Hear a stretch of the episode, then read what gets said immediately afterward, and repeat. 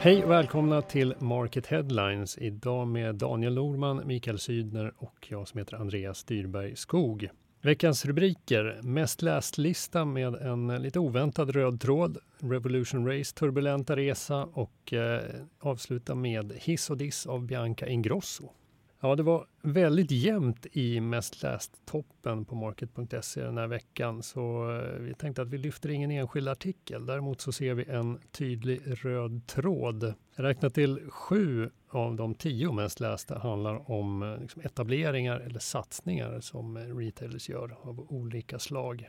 Säger ni, är ni överraskade över att det, att det faktiskt ser ut så?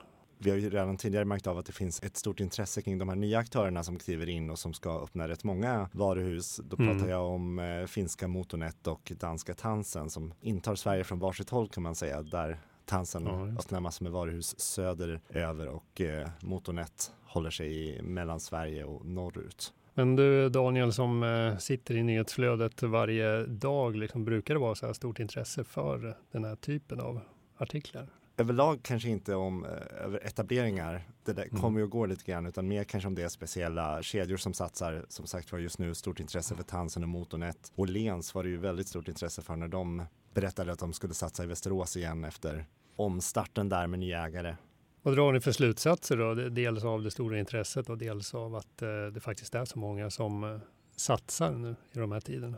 Det du är inne på där Daniel, det är ju nyetableringar mycket. Alltså företag som kommer hit och ska etablera sig. Det, det jag reagerar lite på också det är att det finns många etablerade som fortsätter öppna butiker. Jag tror att de senaste veckorna har vi pratat om Rusta, Brothers, Servera, ÖoB, Gina Tricot och så hade du H&M's skönhetssatsning i Oslo där också. Och det här är ju det är intressant att det är så pass etablerade varumärken som ändå fortsätter att öppna mm. butiker i dessa tider. Det är väl det som jag tycker är lite så här anmärkningsvärt. Mm. Jag tror att en förklaring kan väl finnas i att det uppstår nya lägen. Alltså det är tuffare tider i handeln, då mm. uppstår det nya lägen och då kanske till exempel en artikel som har rönt intresse här är ju Europen som flyttar en av sina butiker och det kan handla om att man helt enkelt att det uppstår möjligheter vilket gör att man väljer att satsa istället för att stanna kvar i ett sämre läge mm. när andra aktörer försvinner. Ja, eller också är det ingen kris i handeln. Vi är lurade helt enkelt. ja, om inte annat visar det att det finns ett driv, en vilja att utvecklas. Att man ja. liksom inte sitter still eh, utan man vill bli bättre och ta sig igenom den här krisen. Och att det faktiskt finns eh, muskler att satsa hos många aktörer. Vad säger ni om det stora intresset då? Vad, vad skickar det för signaler? Läsarintresset alltså? Daniel, du var inne lite på det här med, med att det, lite, det varierar lite grann i vad man är intresserad av med vad gäller etableringar. Min, min, min känsla är ändå att det sätter vi liksom att det generellt finns ett ganska stort intresse för etableringar och in, inte minst nu efter pandemin också att företag satsar och det finns ett ökat intresse för, bland konsumenterna för den fysiska handeln i stort. Och det, ja, det, det verkar lite grann som att den fysiska handeln ändå på något vis mår hyggligt bra jämfört med e-handeln också som, som ju så påtagligt har backat. Det tycker jag man ser också nu när vi, vi befinner oss ju mitt i en eh, rapportperiod att många, många av de som rapporterar berättar om eh, ökad trafik till fysiska butiker och att det ofta är e-handeln som tappar. Ja, som sagt, tittar man på mest lästa enbart, då får man ju bilden av en bransch som liksom sprudlar av framtidstro mer eller mindre. Men eh, tittar man på andra rubriker ser det ju lite annorlunda ut. Det kom ju till exempel eh, Svensk Handels rapport Läget i handeln i måndags, om jag inte minns fel. Precis. Och eh, rubriken på det pressmeddelandet var ju Osäkerhet och oro präglar den svenska handeln. Jag ska inte glömma att det finns många som har det tufft också.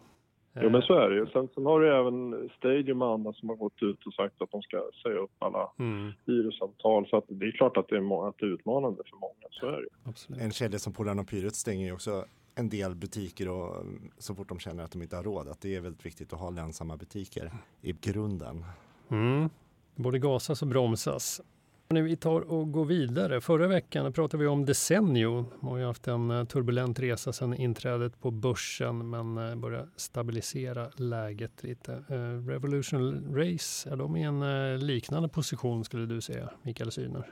Ja, alltså man kan väl säga så här att, att den här glorian som hovrade över varumärket fick sig en viss törn av både tyckare och analytiker när Pernilla Nyrensten plötsligt och oväntat avgick då i fjol. Mm.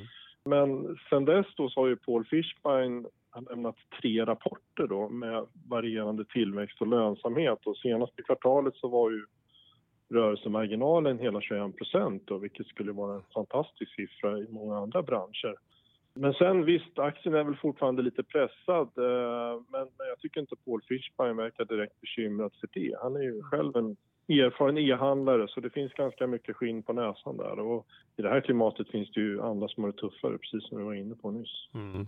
Nej, som du sa, 21 procent rörelsemarginal eh, och tillväxten var väl 13 procent i första kvartalet på en, en marknad som eh, har det väldigt tufft. Eh, låter ju som ganska starka siffror. Men, ja, han, han, är ju själv väldigt nöjd med tanke på omständigheterna. Sen mm. ska man ju komma ihåg att, att när Revolution Race kom in på börsen så hade man väl ökningstal på 40-50 procent några kvartal mm. på raken där om jag inte minns helt fel. Men då var man ju fortfarande från, från ganska låga nivåer och då var det ganska lätt att öka högt procentuellt och där är man ju inte. Det, någonstans börjar ju kurvan att plana ut lite också. Mm. Man kan ju också förstå att marknaden reagerar med tanke på att man byggde varumärket så mycket kring eh, Pernilla Nyrensten. Det gjorde mm. ju även, hon själv var ju liksom varumärket och då om hon kliver av så kan man ju tro att hon har tappat tron på, på varumärket själv faktiskt.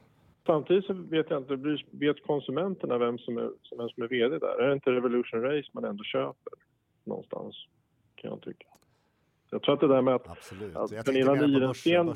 Ja, ja, men absolut. Mm. Hon var ju liksom en, en lite av en börsfavorit på något sätt. Mm. Och, och liksom en, alla tyckte om den här succéhistorien från garaget till den här enorma framgången. Liksom. Mm. Men, Första stora kvinnliga börs liksom. Jo, men det stämmer ju. Hon eh, har ju varit väldigt uppmärksammad och kopplats väldigt starkt ihop med varumärket såklart kring hela den här resan hon har gjort och med det. Men, men på konsumentmarknaden så är det ingen riktigt som, som kanske har sån koll på vem, vem hon är och, och, att man har bytt VD. Man, där har man ju främst en relation till, till varumärket. Mm. Det är lite skilda världar där. Paul Fischbein han kom ju in där när eh, Pernilla Nyrensten lämnade och eh, aktiekursen kollapsade. Liksom hur, hur ser han själv på den situationen? Det är som jag sa förut här, han är inte alls särskilt bekymrad för det. Han är fokuserad på verksamheten och han menar på att det finns ett stort intresse för varumärket fortfarande bland investerare och han får mycket förfrågningar. Så att han sitter ganska lugnt i båten. Det låter väldigt avslappnad. Han tror på en positiv utveckling för outdoor-segmentet de är aktiva i också, trots att det går tufft för sporthandeln som helhet. Ja, absolut. Han, han, tror verkligen att mycket för att, att pandemin satte ett ganska stort intresse för, för outdoor överhuvudtaget mm. och att, att, att det kommer att hålla i sig. Yes. Revolution Race, de är ju stora på sociala medier, men ännu större är väl Bianca Ingrosso. Vi går in på henne nu. Senaste tiden har hon varit aktuell i både smickrande och mindre smickrande sammanhang får man säga. Vi avhandlar båda lite raskt här på slutet. Börjar med det positiva. Hon eh, lanserar klädmärket Avora i samarbete med bland andra Viktor Appelqvist, känd från Gina Tricot-familjen. Vad tror vi om Avora? Kommer det bli lika framgångsrikt som Kaja Cosmetics? Viktor Appelqvist är ju ett spännande namn att samarbeta med. Hon har med sig sin parhäst Vanessa Lindblad som även var med när de eh, lanserade Kaja och fanns med i bakgrunden där. Så att eh, mm. det finns väl alla förutsättningar. Ja, verkar ha en liknande modell också vara eh, ett premiumvarumärke som liksom säljs exklusivt i, i egna kanaler och fortsätter med samma framgångskoncept. Ja, Precis, hennes lanseringar hittills har gjort succé inklusive det här eh, gästspelet hos Nelly. Det mm. ledde väl till en kraschad sajt där om jag inte minns helt fel. Så det här kommer säkert att fungera alldeles utmärkt det här också i synnerhet då också som, som eh, Appelqvist kommer in med, med retail-kompetens. Succé för Avora spår vi alltså. Ska vi ta det mindre roliga också? I eh, Aftonbladet så vittnar ett antal anställda på Intimissimi att de tvingas att arbeta under usla förhållanden och med låga löner. Och, eh, det är alltså italienska Intimissimi som det handlar om, men eh, rubriken som sätts är låga löner och mobbning i Bianca-butikerna. Är det förtjänt eller oförtjänt kritik som eh, Bianca får här? Först och främst tycker jag att man ska vara noga med, med rubriksättningen där. Det är ju inte Biancas butiker. Hon äger ju inte företaget. Hon är ju inte ens, eh, hon är ju en, ett ansikte utåt. Det är som om man skulle anklaga någon av H&M's kända modeller som de använder för, för H&M's arbetsmiljöproblem. Den kopplingen blir lite fel tycker jag. Vad säger Mikael Syner? Alltså ingen rök utan eld här. Jag, jag tycker kanske att hennes kommentar till det här var kanske lite väl att hon viftade bort problemet på något sätt. Eh, jag kan tycka generellt att hon kunde ha gett ett mer sympatiskt svar där.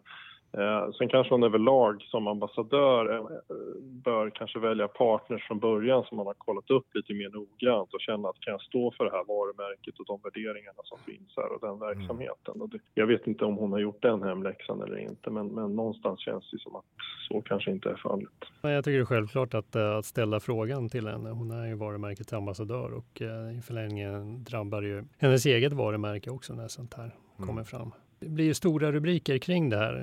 Du, du var inne på något resonemang tidigare Daniel, att eh, familjen Wahlgren är en familj som orsakar polarisering i samhället. Ja men så är det väl. Det, jag menar, hon har jättemånga följare på Instagram, många älskar mm. Bianca, men det finns ju lika många som är trötta, ser att de är trötta på familjen Wahlgren som spyr alla över dem. Så att det är ju klart att eh, det finns säkert i bakgrunden när man skriver en sån eh, sätter sådana rubriker. Ja, det är därför man väljer att lyfta fram henne kanske redan i rubriken. Mm.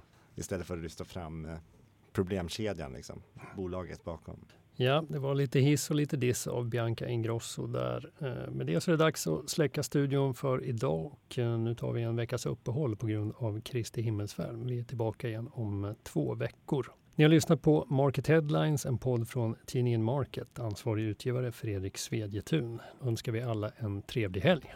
Trevlig helg. Trevlig helg.